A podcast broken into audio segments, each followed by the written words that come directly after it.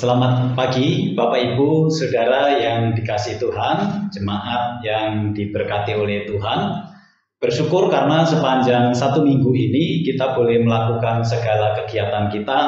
Tuhan menolong kita, Tuhan memberkati kita dan saat hari ini kita boleh bersama-sama di dalam ibadah kita hari ini. Mari kita mempersiapkan hati kita untuk datang kepada Tuhan kita bersyukur untuk mengingat setiap kebaikan-kebaikan Tuhan yang boleh Tuhan nyatakan dalam kehidupan kita. Mari kita menghadap Tuhan dengan rasa hormat dan syukur kita kepada Allah Tritunggal. Jemaat saya persilahkan untuk berdiri, kita akan mengambil saat teduh sejenak.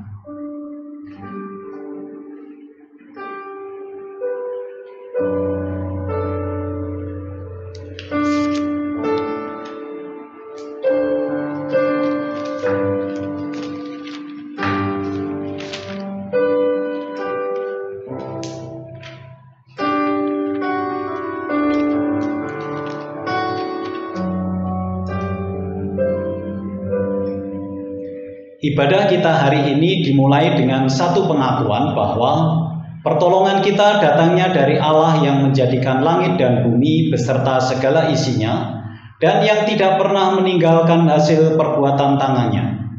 Turunlah kiranya atas kita sekalian kasih karunia dan damai sejahtera dari Allah Bapa, Putra, dan Roh Kudus.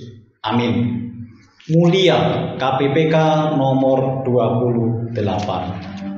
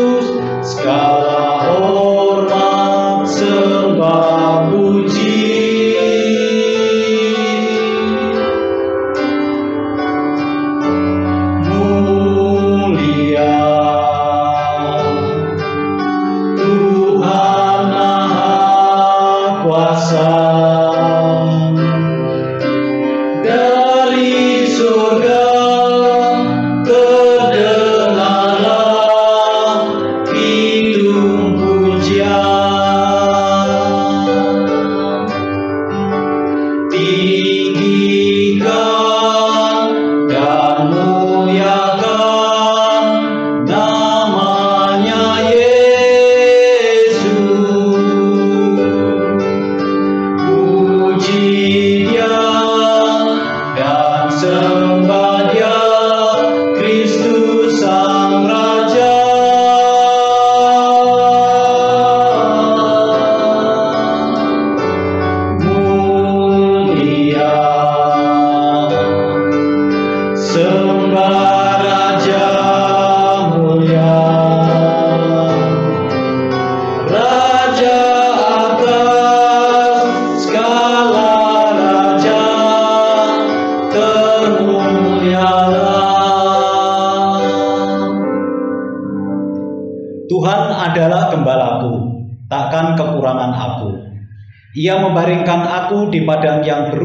hijau.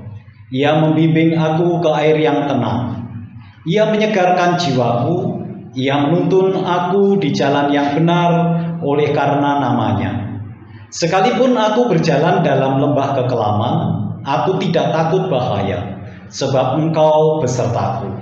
Gadamu dan tongkatmu itulah yang menghibur aku. Engkau menyediakan hidangan bagiku di hadapan lawanku. Engkau mengurapi kepalaku dengan minyak, pialaku penuh melimpah. Kebajikan dan kemurahan belaka akan mengikuti aku seumur hidupku, dan aku akan diam dalam rumah Tuhan sepanjang masa. Mazmur 23 ayat 1 sampai ayat yang ke-6. Jemaat dipersilahkan duduk kembali. Bapak Ibu dan Saudara yang dikasih Tuhan, Kita bersyukur sepanjang minggu yang boleh kita lalui dan kita akan bersama-sama menaikkan setiap pokok-pokok doa. Tetapi sebelumnya saya mengajak Bapak Ibu untuk menaikkan pujian dari KPPK nomor 228. Ia melindungi jiwaku.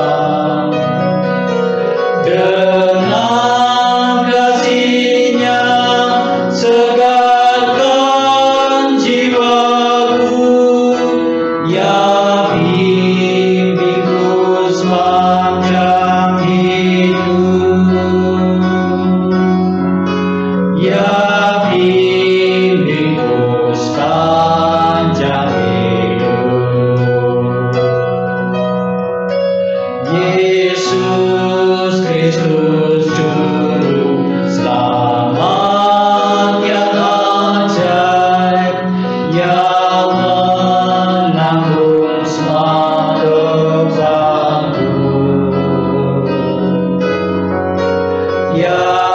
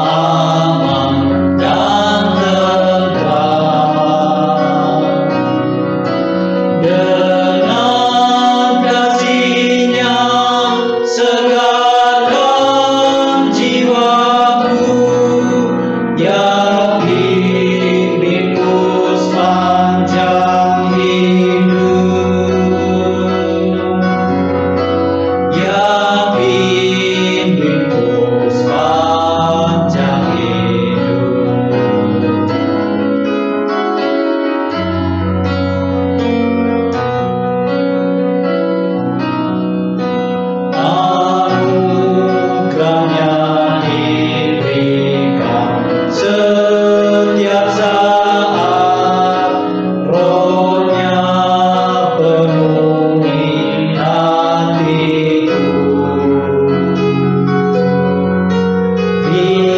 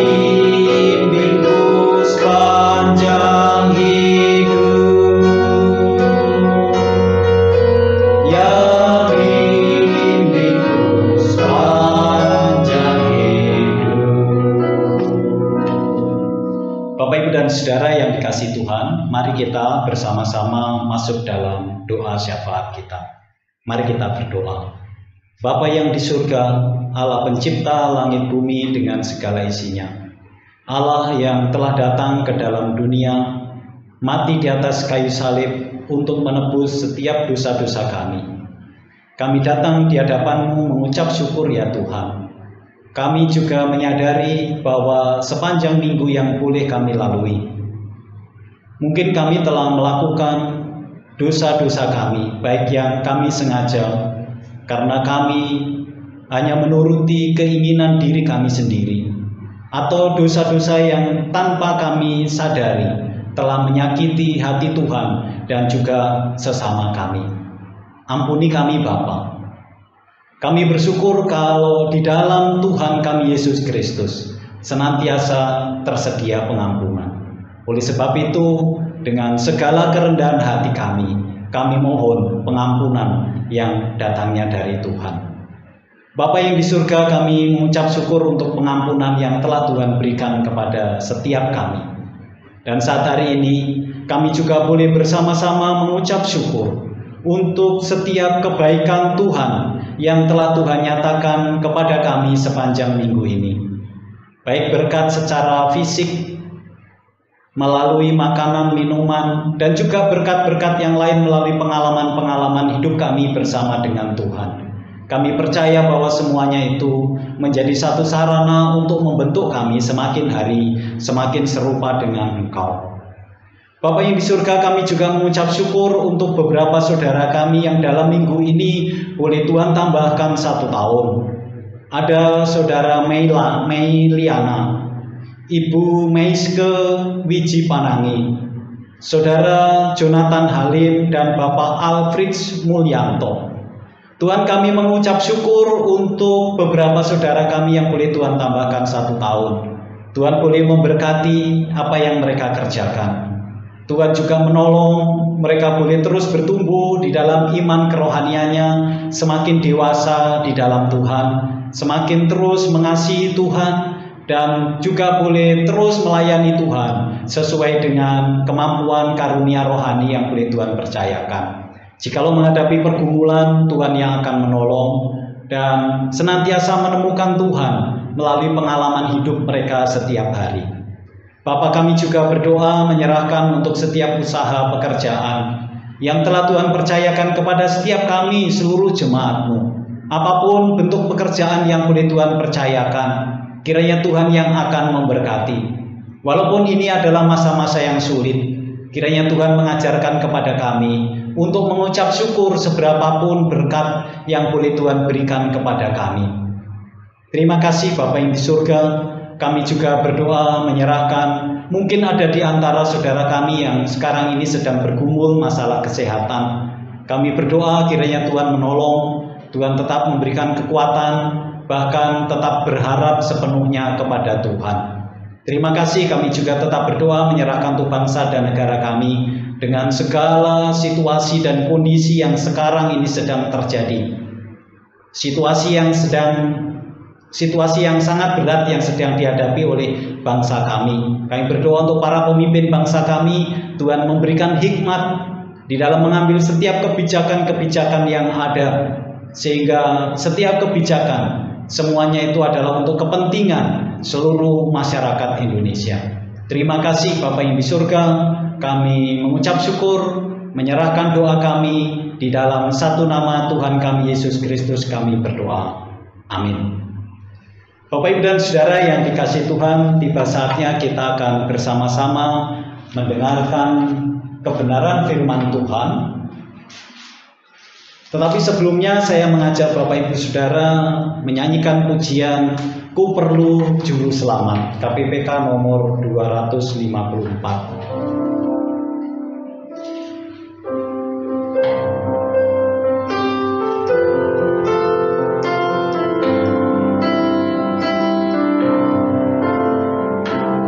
Ku perlukan juru selamat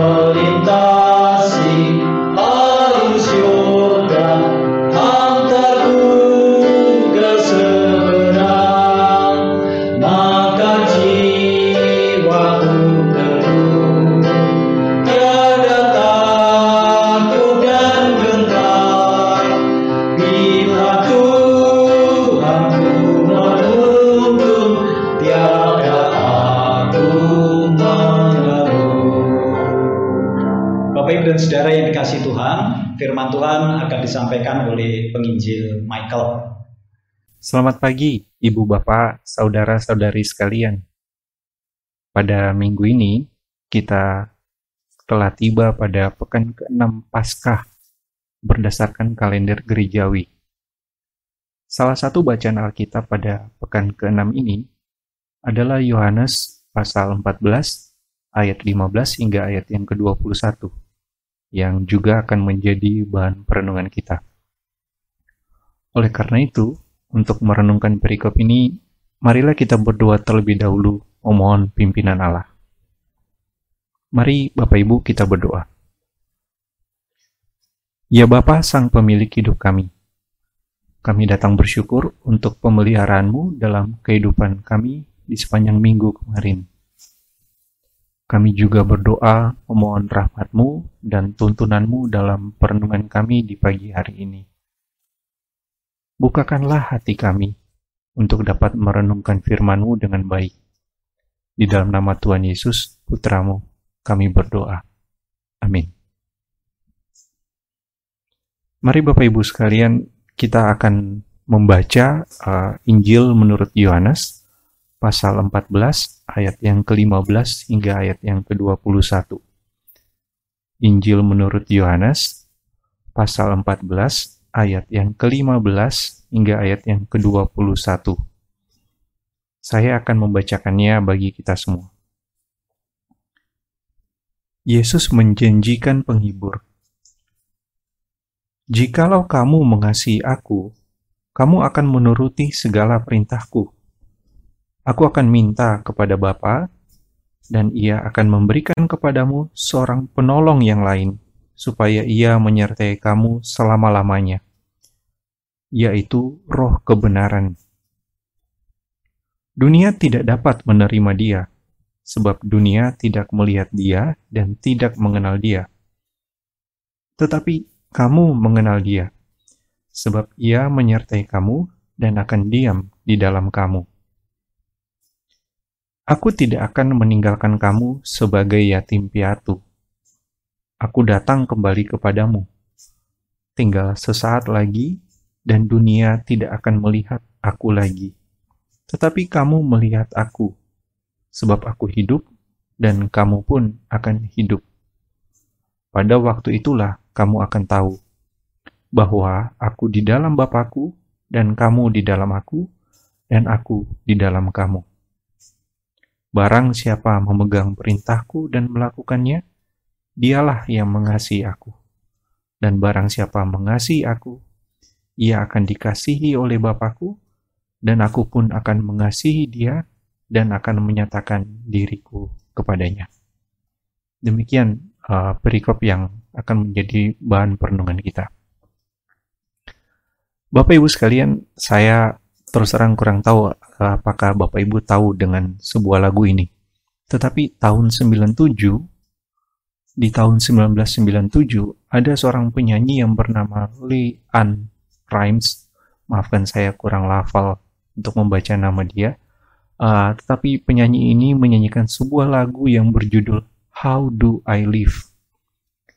Seingat saya, lagu ini sempat populer di Indonesia, sehingga mungkin saja di antara ibu bapak sekalian ada yang mengetahui lagu ini. Dalam lirik lagu ini, diceritakan tentang seorang kekasih yang bertanya kepada pasangannya atau orang yang ia cintai, "Bagaimana saya akan menjalani hidup tanpamu jikalau kamu pergi?" Kurang lebih refrainnya dari lagu ini berbunyi seperti ini. How do I live without you? Bagaimana saya hidup tanpamu? I want to know. Saya ingin tahu. How do I breathe without you? Bagaimana saya bernafas tanpamu? If you ever go, jika kamu pergi, how do I ever, ever survive? How do I, how do I, oh how do I live? Bagaimana saya bisa bertahan hidup? Bagaimana saya hidup? Maafkan kalau pelafalan saya kurang jelas untuk membaca lirik Inggrisnya. Tetapi dari referen lagu ini mungkin saja ketika mendengarnya kita akan tersenyum karena pernah mengalami posisi seperti yang dialami oleh si penyanyi ini.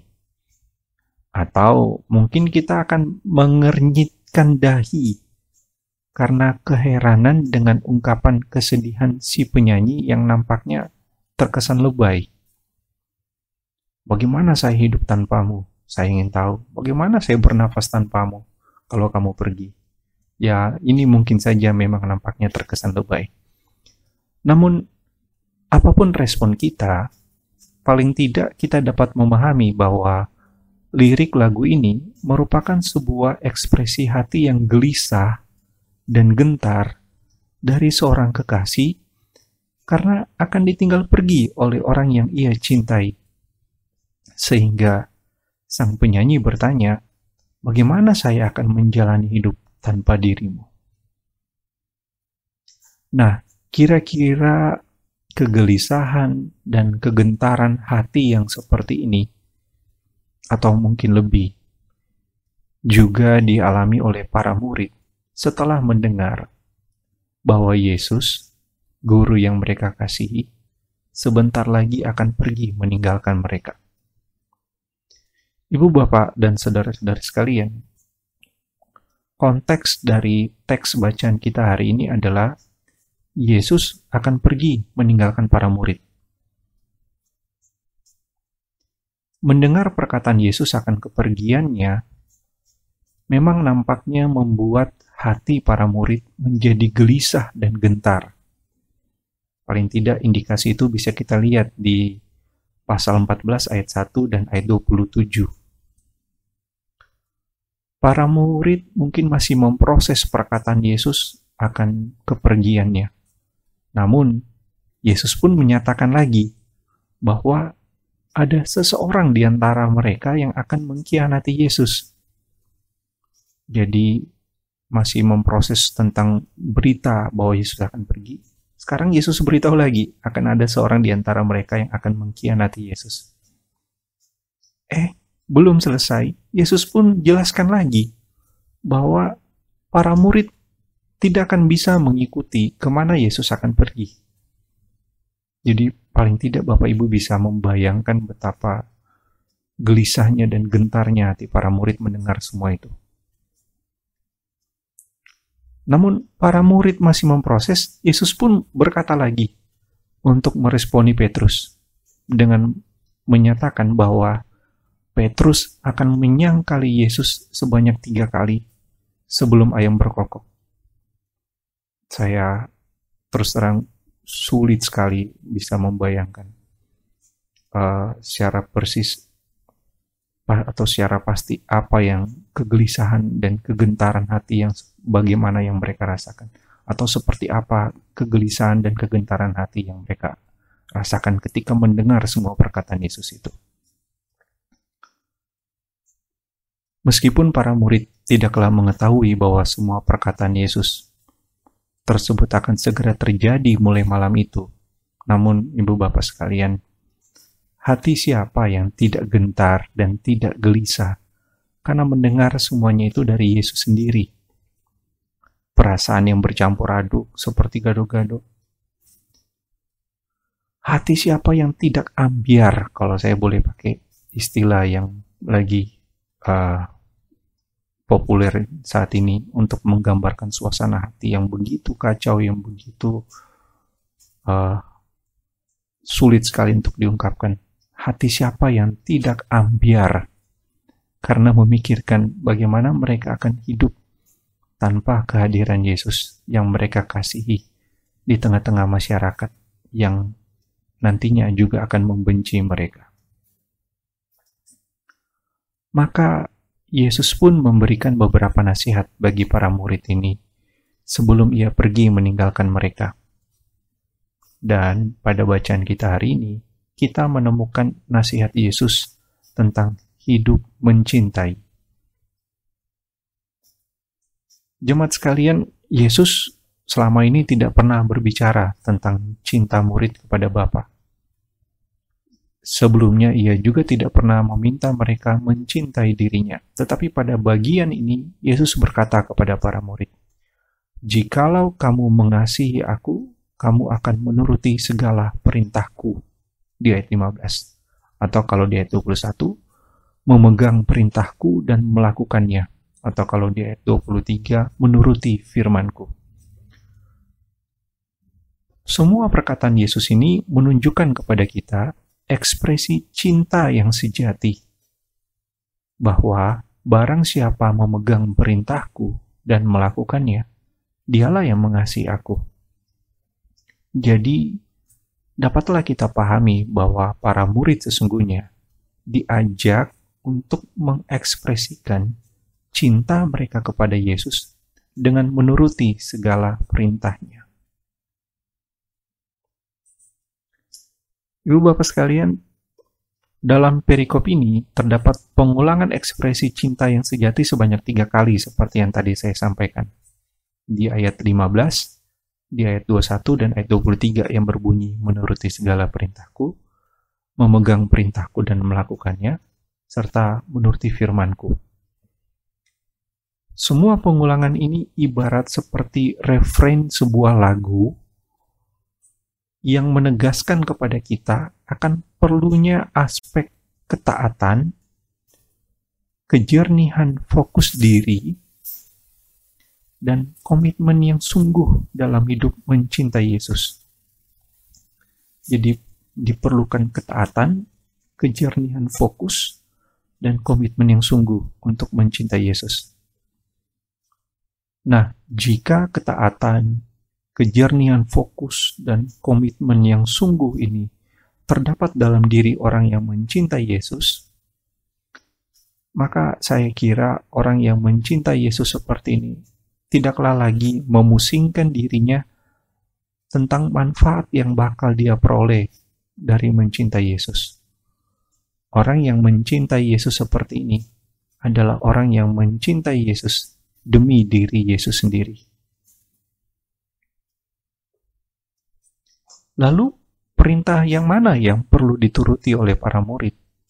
Yesus berkata, "Segala perintahku maka ini tentu saja mengarah kepada semua perintah yang diajarkan Yesus kepada para murid, termasuk tentu saja perintah baru yang diberikan Yesus agar para murid saling mengasihi.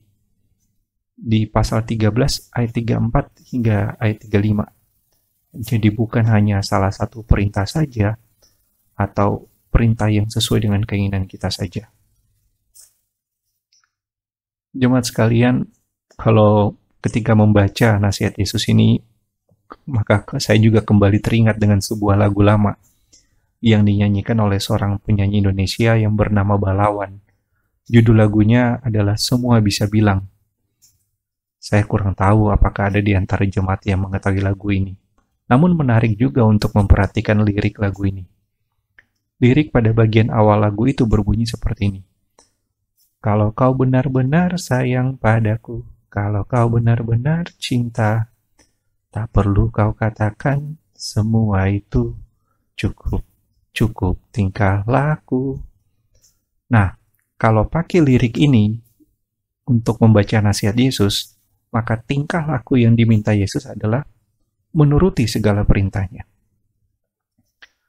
Jadi dari nasihat Yesus kepada para murid ini kita dapat kembali menemukan adanya korelasi antara mencintai Yesus dengan tingkah laku menuruti segala perintah Yesus. Bahwa para murid yang sungguh-sungguh mencintai Yesus tentunya akan sungguh-sungguh patuh untuk menuruti, menaati segala yang diperintahkan Yesus. Dengan demikian, dapatlah kita pahami pelajaran yang pertama, bahwa hidup mencintai Yesus akan menggerakkan kita untuk menuruti segala perintahnya. Saya ulangi, bahwa hidup mencintai Yesus akan menggerakkan kita untuk menuruti segala perintahnya. Karena memang itulah ekspresi cinta yang sejati kepada diri Yesus. Namun, Bapak Ibu sekalian, bagi para murid, menuruti segala perintah Yesus tentunya tidaklah semudah membalikan telapak tangan. Apalagi Yesus akan pergi meninggalkan mereka. kalau selama ini Yesus hadir bersama-sama mereka. Kurang lebih tiga setengah tahun lamanya Yesus hidup bersama para murid, mengingatkan mereka, mengajar mereka. Jadi selama ini Yesus yang menolong para murid untuk mengetahui dan melakukan segala perintahnya. Namun kini Yesus akan meninggalkan mereka. Lalu, bagaimana para murid dapat melakukan segala perintah Yesus setelah ia tidak lagi akan bersama mereka. Siapa yang akan menolong para murid? Apalagi mereka nantinya akan juga menghadapi kebencian masyarakat yang tadinya juga ditujukan kepada Yesus. Itu bisa kita lihat di pasal 15 ayat yang ke-18. Maka marilah kita melihat kembali perkataan Yesus. Setelah memberikan nasihatnya di ayat 15, Yesus pun lebih lanjut menyatakan, bahwa para murid yang mencintai Dia akan menerima roh kebenaran yang adalah Roh Kudus.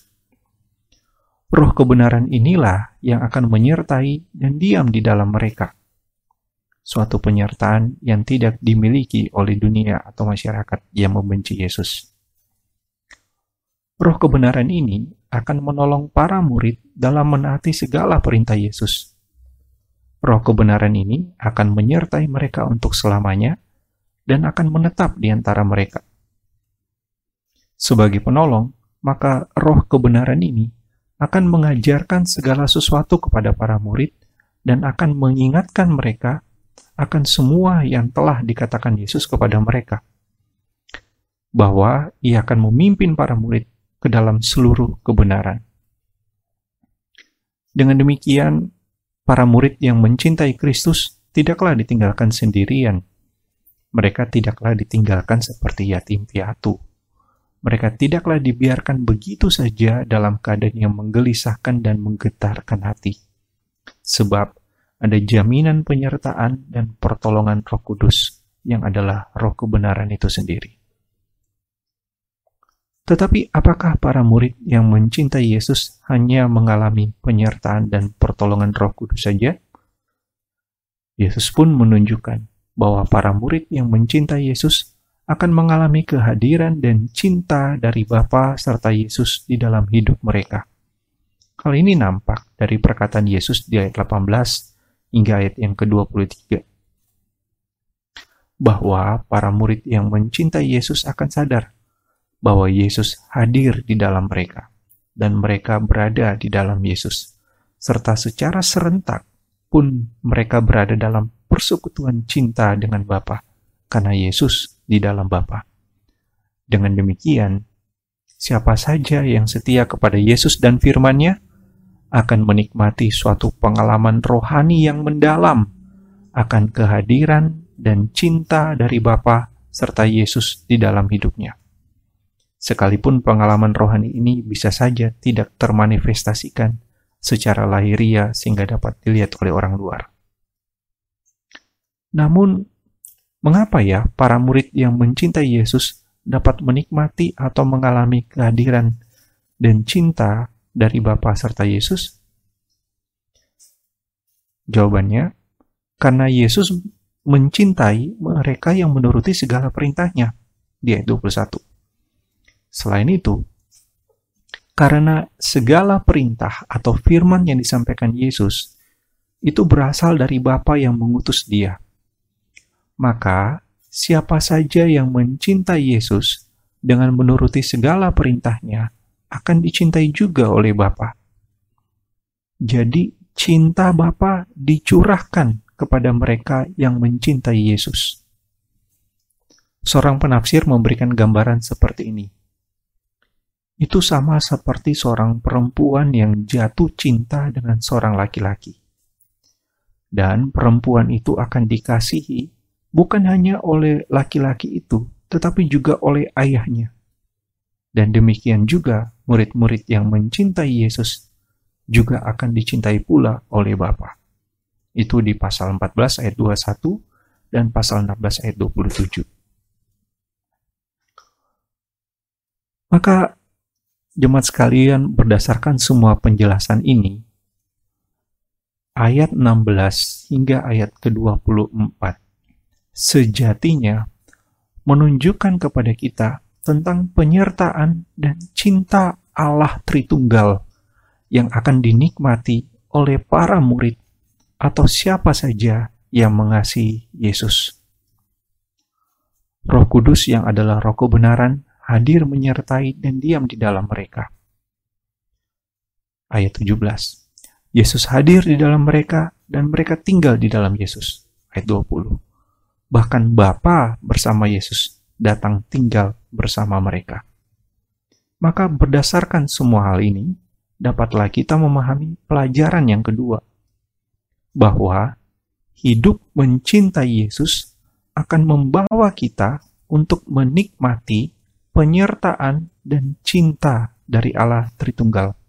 Saya ulangi, bahwa hidup mencintai Yesus akan membawa kita untuk menikmati penyertaan dan cinta dari Allah Tritunggal. Oleh karenanya, kita tidaklah sendirian dalam menjalani hidup ini. Ada penyertaan dan cinta dari Allah Tritunggal yang dapat kita nikmati. Jadi jemaat Trinity sekalian, hari ini kita merenungkan tema tentang hidup mencintai Yesus.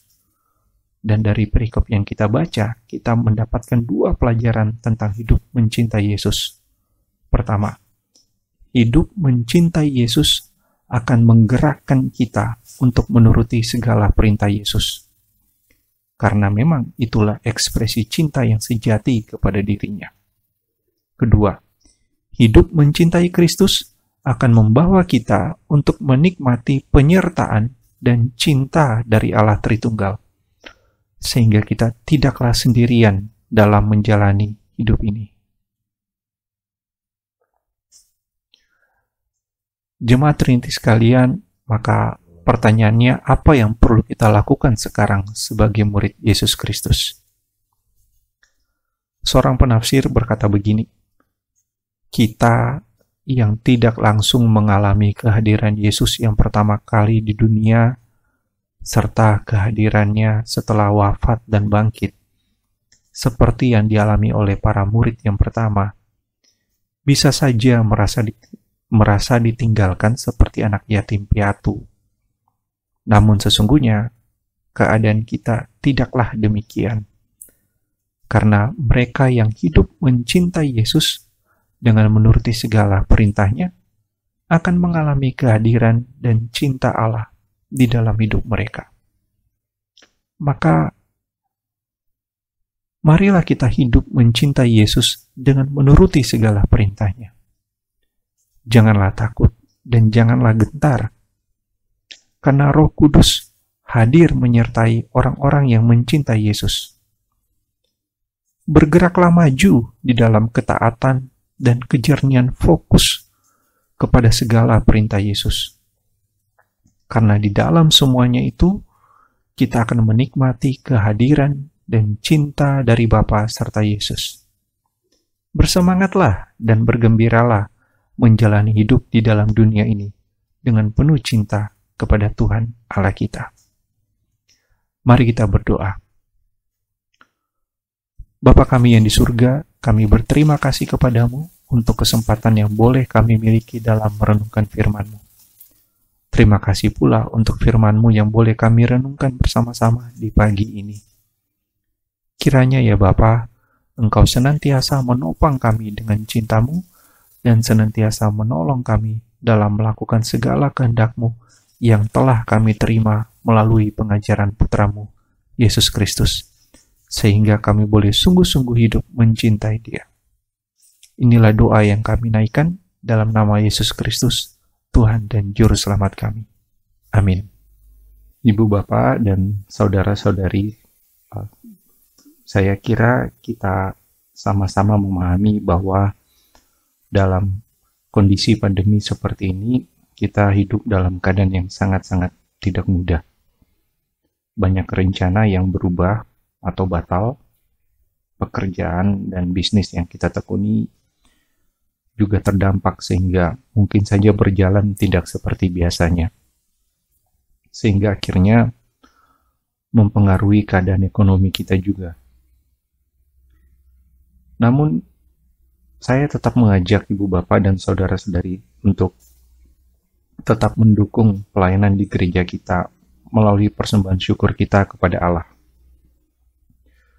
Sehingga kita bersama-sama dapat tetap mengerjakan pelayanan yang dipercayakan Allah melalui gereja ini.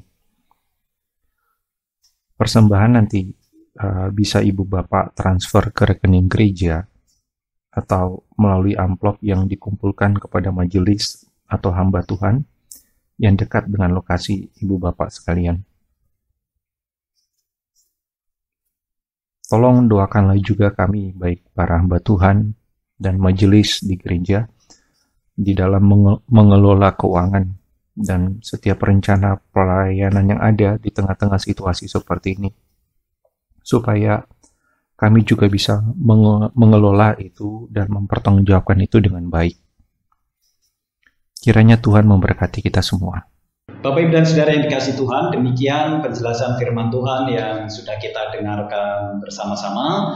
Ada dua pengumuman yang perlu saya sampaikan kepada Bapak Ibu. Yang pertama bahwa hari Kamis itu kita akan ada ibadah Ya, kita tetap ibadah di rumah kita masing-masing, ibadah dalam rangka mengingat kenaikan Tuhan Yesus ke surga. Jadi e, nanti hari Kamis kita akan beribadah bersama-sama tetap, tetap jamnya jam 10 pagi. Yang kedua Bapak Ibu, e, hari Kamis malam kita akan ada PA bersama melalui e, grup GKT Trinity. Jadi nanti silakan Bapak Ibu boleh bergabung bersama-sama. Hari Kamis yang lalu itu sudah berjalan dengan baik. Uh, kita bisa berdiskusi bersama-sama belajar tentang kebenaran firman Tuhan dan nanti hari Kamis yang akan datang kita juga akan lanjutkan PA bersama-sama. Saya berharap kita boleh bergabung bersama sehingga kita juga boleh bertumbuh bersama-sama di dalam pemahaman dan juga pengenalan kita. Ini yang dapat saya sampaikan berhubungan dengan pengumuman uh, minggu hari ini.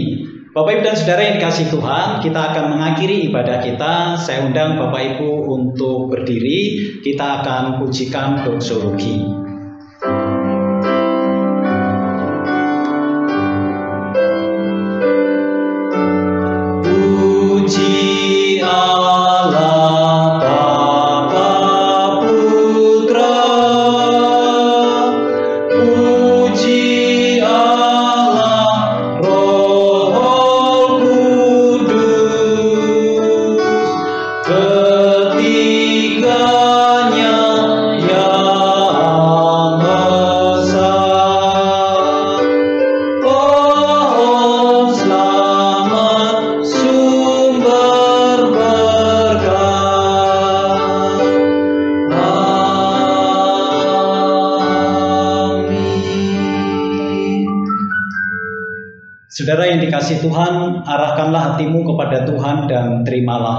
Tuhan.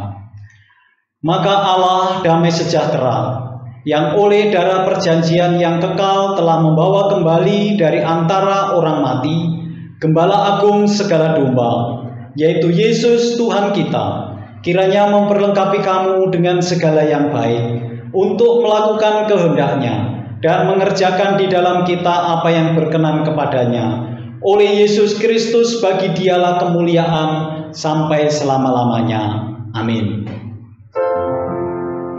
Ibadah